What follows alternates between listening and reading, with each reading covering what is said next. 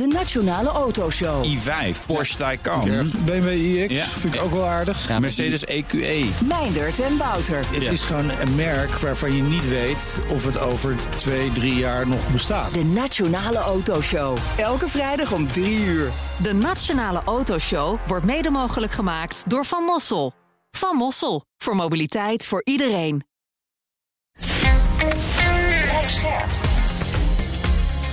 BNR Nieuwsradio. Boekenstein en de Wijk. Hugo Reitsma. Dit is een extra uitzending van Boekenstein en de Wijk in verband met de oorlog in Oekraïne en de crisis met Rusland. Het is dinsdag, dag 230 van de invasie. En luisteraar Ramses Sappi heeft een vraag over Belarus. Eh, dat is een zodanig uitgebreide vraag dat ik hem niet helemaal kan gaan voorlezen. Waarom is het daar zo stil? Eh, vraagt hij. Zou de oppositie geen gebruik kunnen maken van de moeilijke positie van Lukashenko? Nou ja, volgens mij is oppositie daar niet echt toegestaan. Maar nou ja, hij zou graag zien dat de situatie in Belarus ook kan verbeteren. En bestaan daar geen kansen voor in de moeilijke situatie waarin dat land nu verkeert tussen Rusland en Oekraïne in?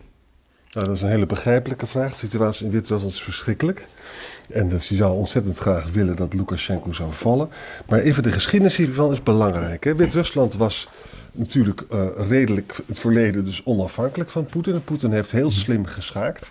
En juist door die interne opstanden is eh, Wit-Rusland in de invloedssfeer van Rusland direct gekomen. De Russische krijgsmacht en ook de Russische geheime dienst is belangrijk voor de positie van Lukashenko. Lukashenko die kwam Ja. in gevaar door straatprotesten hè, bij eerdere Exact. nepverkiezingen daar. En dat heeft hem een beetje in de armen van Poetin gedreven. En ook de, de, de Russische veiligheid liep daar dus rond om Lukashenko te helpen en zo. Maar tegelijkertijd dus ook Lukashenko totaal afhankelijk te maken van, eh, van Poetin. Nou, wat, wat interessant is, is dat de Wit-Russische soldaten heb, zijn niet gesignaleerd eh, op eh Oekraïns grondgebied. Dat hebben ze dus geweigerd. De, de Wit-Russische krijgsmacht stelt ook niet zo vreselijk veel voor. Wa- Poetin heeft dat wel gewild, hè. die wilde daar vandaan, heeft hij ook gedaan. Hè. Maar dat waren dan toch uiteindelijk gewoon Russische troepen. Nou, nu terug naar de vragen. De vraag was, ja, als het met Lukashenko zo slecht voor staat... kan, kan, kan die, die oppositie of die mensen die in ballingschap leven terugkomen? Ja, de ellende is dat de Russen daar gewoon direct zitten. Hè. De Russische... Lukashenko wordt gewoon... eh, overeind gehouden met Russische veiligheidsdiensten en zo. En dat is eigenlijk sterker dan ooit. Dus het is gewoon een ongelooflijk treurige situatie in dat land. Ja, maar tegelijkertijd moet je ook constateren dat eh, Lukashenko eh, nou niet een fantastische relatie heeft eh, met Poetin. Nee. Eh, tot, eh, laten we zeggen, 2014 was het best wel oké. En eh, toen werd er ook gesproken over een unie tussen Rusland en, eh, Ja. En, en Belarus. Eh, die discussie is, er nog, die is er nog steeds. Eh, en er is nog steeds formeel, officieel een soort ehm, van, eh, van een ja, overeenkomst, kan je niet zeggen, maar wel ja, een wat informeler idee om te komen tot zo'n unie. Ehm, maar realiseer dat na 2014, toen Poetin het behaagd heeft om de Krim in te nemen, Lukashenko eh, het gevoel had van Jezus, als dat het geval is, dan ben ik misschien wel het volgende land dat wordt ingelijfd. Exact. En, eh, en die discussie die heeft eigenlijk vanaf 2014 eh, gelopen. En dus die relatie is niet zo, is niet zo geweldig, maar door die akkefietjes die Lukashenko de afgelopen jaren heeft eh, gehad met het Westen, ja, heeft hij eigenlijk nog maar één bondgenoot waar hij op kan vertrouwen. En dat is Poetin. En Poetin, eh, die maakt daar gebruik van door eh, Belarus steeds meer in zijn macht eh, te krijgen. Eh, Dus ehm, eh, ik moet nog zien hoor, of Lukashenko allemaal zo blij is met wat er hier is gebeurd. En eh, ik zag nu ook allerlei berichten dat er een ehm, overeenkomst zou zijn om een gezamenlijke troepenmacht tussen Rusland en Oekraïne, eh, sorry, Rusland, sorry, Rusland en Belarus Ja, eh, ja, te creëren. Waarschijnlijker, ja. Ja, en ik vraag me echt af hoe levensvatbaar zo'n idee is. Hebben was- jullie daar wat eh, van gezien? Ik heb gezien dat Lukashenko tegen het staatspersbureau had gezegd dat Oekraïne plannen zou hebben om Belarus binnen te vallen. En dat ze daarom de militaire aanwezigheid aan de grens vergroten en verder gaan samenwerken met de Russen. Nou, Ja. onwaarschijnlijk verhaal allemaal. verhaal, een Oekraïne heeft het ontkend natuurlijk. Ja, en waar Lukashenko heel erg bang voor is, jongens, is de val van Poetin. Ja. Want dan, heb je dus, dan is het gedaan met hem. Eh, Nou ja, ik weet het niet. Ja, dat, dat denk ik ook dat het dan met hem gedaan is. Want dan raakt hij zijn laatste pijler eh, kwijt onder zijn, onder zijn bewind. Maar als je nu gewoon kijkt wat er gebeurt in al die gebieden die vroeger bij de Sovjet-Unie hebben gehoord. Kazachstan, Oezbekistan, ga maar door. Die hele boel die sodomiet het op uit elkaar. Ik heb ook altijd geloofd dat niet de Baltische Staten of een ander land... het eerste slachtoffer zouden zijn nadat Oekraïne eh, veroverd eh, zou zijn, maar dat is Belarus. Ja, ja. Eh, Belarus, dat ligt echt heel erg voor de hand met Moldavië om, Moldavië, om dat bij Rusland te trekken. Baltische Staten, dan kom je direct terecht in de hele discussie over artikel 5. Een aanval op één is een aanval op andere. Nucleaire garanties die er zijn. de atoomparaplu van Amerika ter bescherming van de Baltische Staten. Dus heb ik, ik denk dat, dat die kans veel minder groot is dat er agressie is tegen de Baltische Staten. Dat op een of andere manier eh, Poetin toch Belarus inlijft.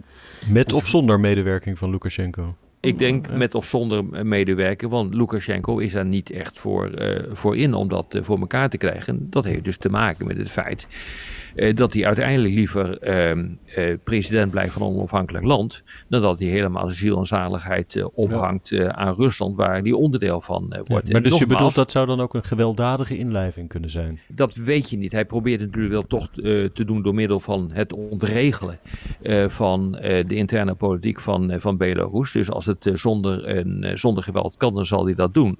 Maar je weet gewoon nooit hoe ver hij wil eh, gaan, eh, Poetin. Nu kan hij dat trouwens niet meer. Hè? Hij kan het nu alleen nog maar doen eh, door middel van ontregelen. En Lukashenko ziet natuurlijk ook, dat is de andere kant. Hè, van, zoals Rob zei, van, ja, als de Krim gepakt kan worden, dan kan Wit-Rusland de volgende zijn.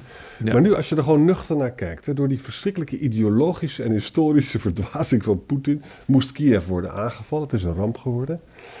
De prijs die je betaalt is dus. Kazachstan keert zich van eh, Rusland af. Eh, invloed in Armenië, Azerbeidzjan is minder. Ook in Kyrgyzstan, Turkmenië. Ga zo maar door. Ja. Dat lijkt me niet erg imperialistisch eh, succesvol wat hier allemaal gebeurt. En dan denkt Lukashenko ook van nou, mijn kans komt misschien nog wel dat ik dan weer hier alleenheerser kan zijn. Jazeker, ik denk dat dat zo is. Ja, dat is wel wat een, wat een autocraat, een dictator doet. Ja, alleen de vraag is natuurlijk, eh, als dit bewind in, eh, in het Kremlin onderuit gaat. Ja, ik denk dat de kans wel vrij groot is eh, dat Lukashenko dan ook onderuit gaat. Dat denk ik ook, ja. Dat denk ik ook. Ik hoop dat we hiermee de vraag goed hebben beantwoord.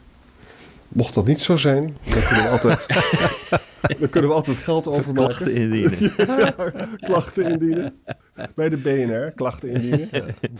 Ja. Kan het Westen nog iets betekenen voor die arme bevolking ook van, van Belarus? Of moeten we Ja. het gewoon aan de dynamiek daar overlaten? Ik denk dat dat wel gebeurt. Er worden natuurlijk wel fondsen eh, beschikbaar gesteld voor oppositiepartijen. Achter de schermen zal het een en ander gebeuren. Maar denk dat Lukashenko de, zaak- de zaak redelijk goed onder controle heeft hoor.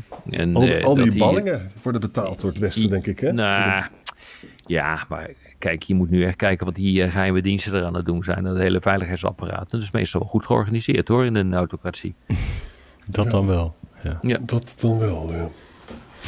Jongens, volgens mij gaan we elkaar morgen weer spreken. Ik denk het. Ik denk het ook.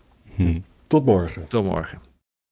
BNR Headlines. De hele dag binnen- en buitenlandse politiek. In Nederland hebben we geen munitiefabrieken. De hele dag economie. Vijf dagen in de week bezorgen, dat kan niet uit.